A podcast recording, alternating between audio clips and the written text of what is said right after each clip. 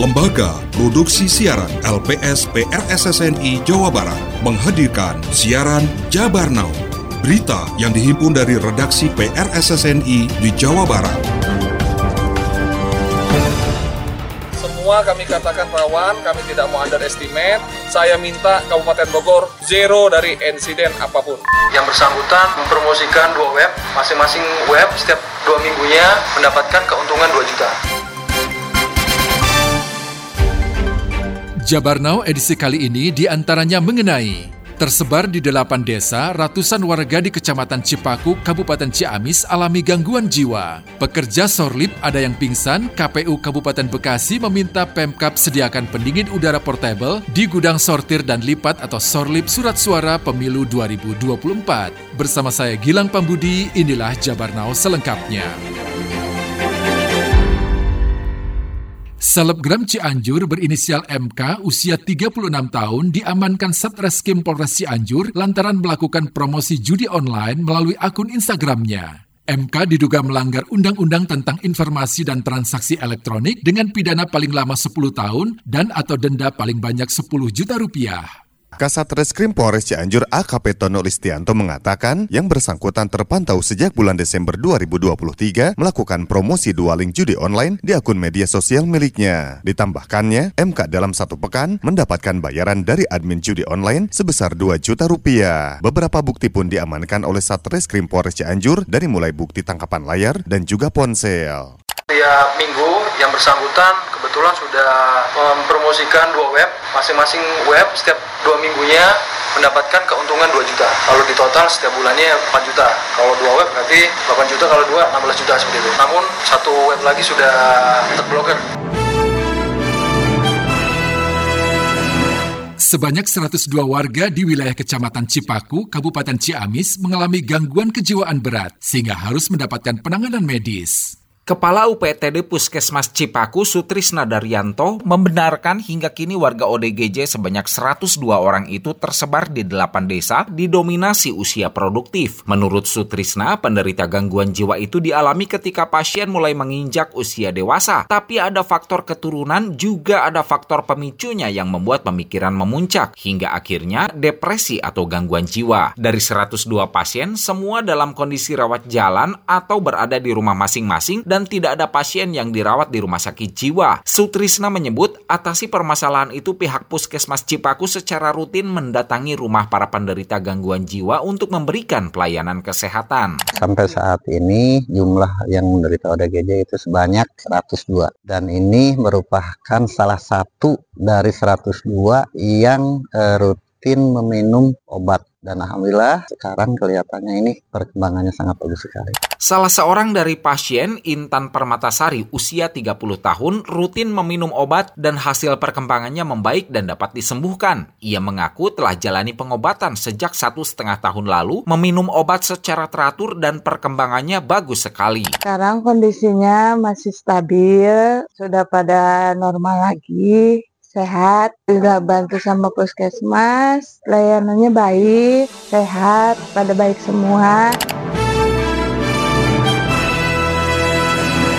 Dinas Perhubungan Kota Cirebon menyarankan ada peremajaan kendaraan angkutan kota, kendati saat ini ada dua trayek yang sudah tidak beroperasi, yakni D9 dan D10. Eksistensi angkutan kota hingga kini masih dibutuhkan masyarakat sebagai transportasi umum dengan berbagai tujuan khususnya di dalam kota meskipun harus mendapatkan persaingan dari jasa angkutan online. Keberadaan angkutan kota yang kini masih beroperasi tidak sedikit yang harus dilakukan permajaan, namun hal itu akan sulit dilakukan karena membutuhkan biaya yang besar. Kadishub Kota Cirebon Andi Armawan menyebutkan, seiring perkembangan zaman, sejumlah trayek sudah tidak beroperasi. Dari D1 sampai D10, dua trayek tidak lagi beroperasi yakni D9 dan D10 dengan rute Duku Semar Kedawung dan Duku Semar Benda. Memang kondisinya trayek itu dari D1 sampai D10 ya.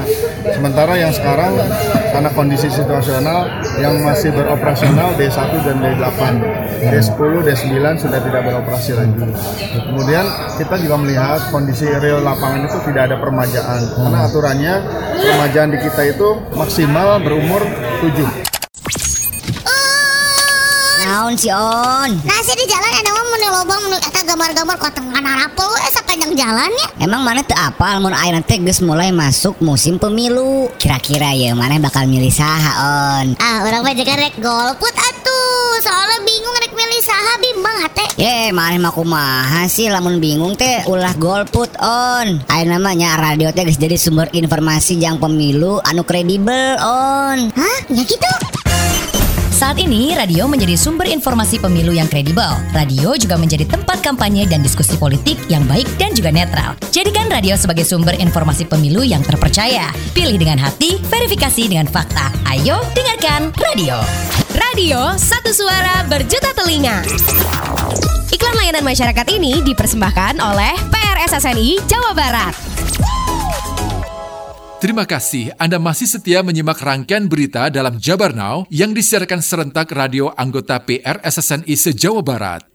Info Pemilu Info Pemilu Persembahan PR SSNI Jawa Barat Saudara, KPU Kabupaten Bekasi meminta Pemkap setempat sediakan pendingin udara portable di gudang sortir dan lipat atau sorlip surat suara pemilu 2024. Sebelumnya, beberapa pekerja sorlip surat suara sempat jatuh pingsan karena gudang yang dijadikan sortir di Desa Karangsari, Cikarang Timur, kondisinya pengap dan tidak sesuai dari sisi sirkulasi udaranya. Ketua KPU Kabupaten Bekasi Ali Rido mengatakan pihaknya disarankan untuk meminjam pendingin udara portable ke bagian umum Pemkap Bekasi agar memberikan kenyamanan bagi seribu petugas sorlip. Untuk surat suara yang sudah disorlip, ia menjelaskan surat suara DPR sudah selesai, sementara surat suara Presiden, DPD, Provinsi, dan Kabupaten belum dan masih dikebut pengerjaannya. Sortir dan pelipatan ini bisa kita selesaikan sesuai dengan untuk menuju ke tahap berikutnya distribusi. Ya memang ini gudang representatif tapi namanya gudang kan memang tidak didesain untuk tempat bekerja apalagi berkumpul seribu orang dalam satu ruangan. Oleh karena itu butuh stamina yang bagus apalagi pas cuaca panas. Sementara itu PJ Bupati Bekasi Dani Ramdan mengatakan Pemkab Bekasi siap memfasilitasi pekerjaan sorlip surat suara termasuk memberikan pelayanan cek kesehatan bagi petugas sorlip. Selain itu, juga menginstruksikan Satpol PP membantu memberikan pengawalan pendistribusian logistik pemilu. Kapolres Bogor menyebut setiap TPS di Kabupaten Bogor memiliki kerawanan gangguan Kamtipmas yang sama. Pihaknya akan melakukan pengawasan secara menyeluruh tanpa membedakan kondisi dan potensi yang ada. Pihaknya akan melakukan pengawasan secara menyeluruh tanpa membedakan kondisi dan potensi di setiap TPS yang ada. Dan pada hari pemungutan suara 14 Februari 2024 mendatang akan menerjunkan lebih dari 4.000 personel petugas keamanan baik dari Polres Bogor, Kodim 0621 Kabupaten Bogor, Brimo Polda Jabar, Satpol PP, dan juga Linmas. Adapun pengamanan itu sendiri dilaksanakan sejak saat ini di gudang logistik KPU Kabupaten Bogor dan gudang logistik PPK pendistribusian logistik menuju TPS pada saat proses pemungutan suara hingga pasca pencoblosan. Semua kami katakan rawan, kami tidak mau underestimate, sehingga kami bisa melaksanakan tugas menghindari dari situasi ancaman, hambatan, gangguan apa pun, sekecil apa pun. Saya minta Kabupaten Bogor zero dari insiden apa pun. Totalnya kurang lebih hampir 4.000 personil. Belum Satpol PP, belum Linmas, dan yang lain sebagainya. Sementara itu untuk diketahui jumlah TPS di Kabupaten Bogor berdasarkan yang telah ditetapkan KPU sebanyak 15.228 TPS yang tersebar di seluruh wilayah Kabupaten Bogor dengan jumlah DPT sementara sebanyak 3.889.441 pemilih.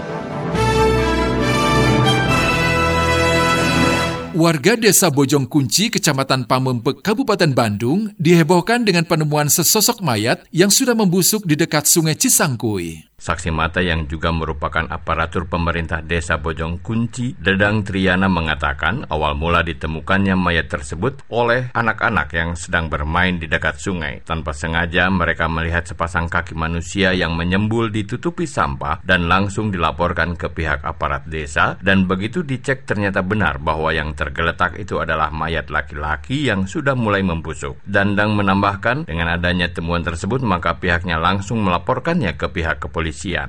Kelihatan awalnya itu kaki terlentang sama pakai helm. Nah itu ciri-cirinya. Dan sudah tertutup sama rumput, Pak. Pakai seragam pramuka, Pak. Ini anak sekolah dipastikan anak sekolah. Sementara itu Kapolsek Pamengpek, Kompol Imron Rosyadi membenarkan adanya temuan mayat tersebut, bahkan kondisi mayat pria tersebut sudah mulai membusuk dan membengkak saat ditemukan oleh warga yang melintas di sekitaran lokasi. Dugaan sementara korban adalah merupakan seorang pelajar berjenis kelamin laki-laki, di mana hal itu terlihat dari seragam serta beberapa buku yang ditemukan di TKP. Terkait penyebab kematian, lanjut Kompol Imron, pihaknya masih melakukan pendalaman, sedangkan korban sudah dibawa ke Rumah Sakit Sartika Asi Bandung untuk dilakukan otopsi. Terima kasih. Anda telah menyimak siaran berita Jabar Now yang diproduksi oleh Lembaga Produksi Siaran LPS PRSSNI Jawa Barat.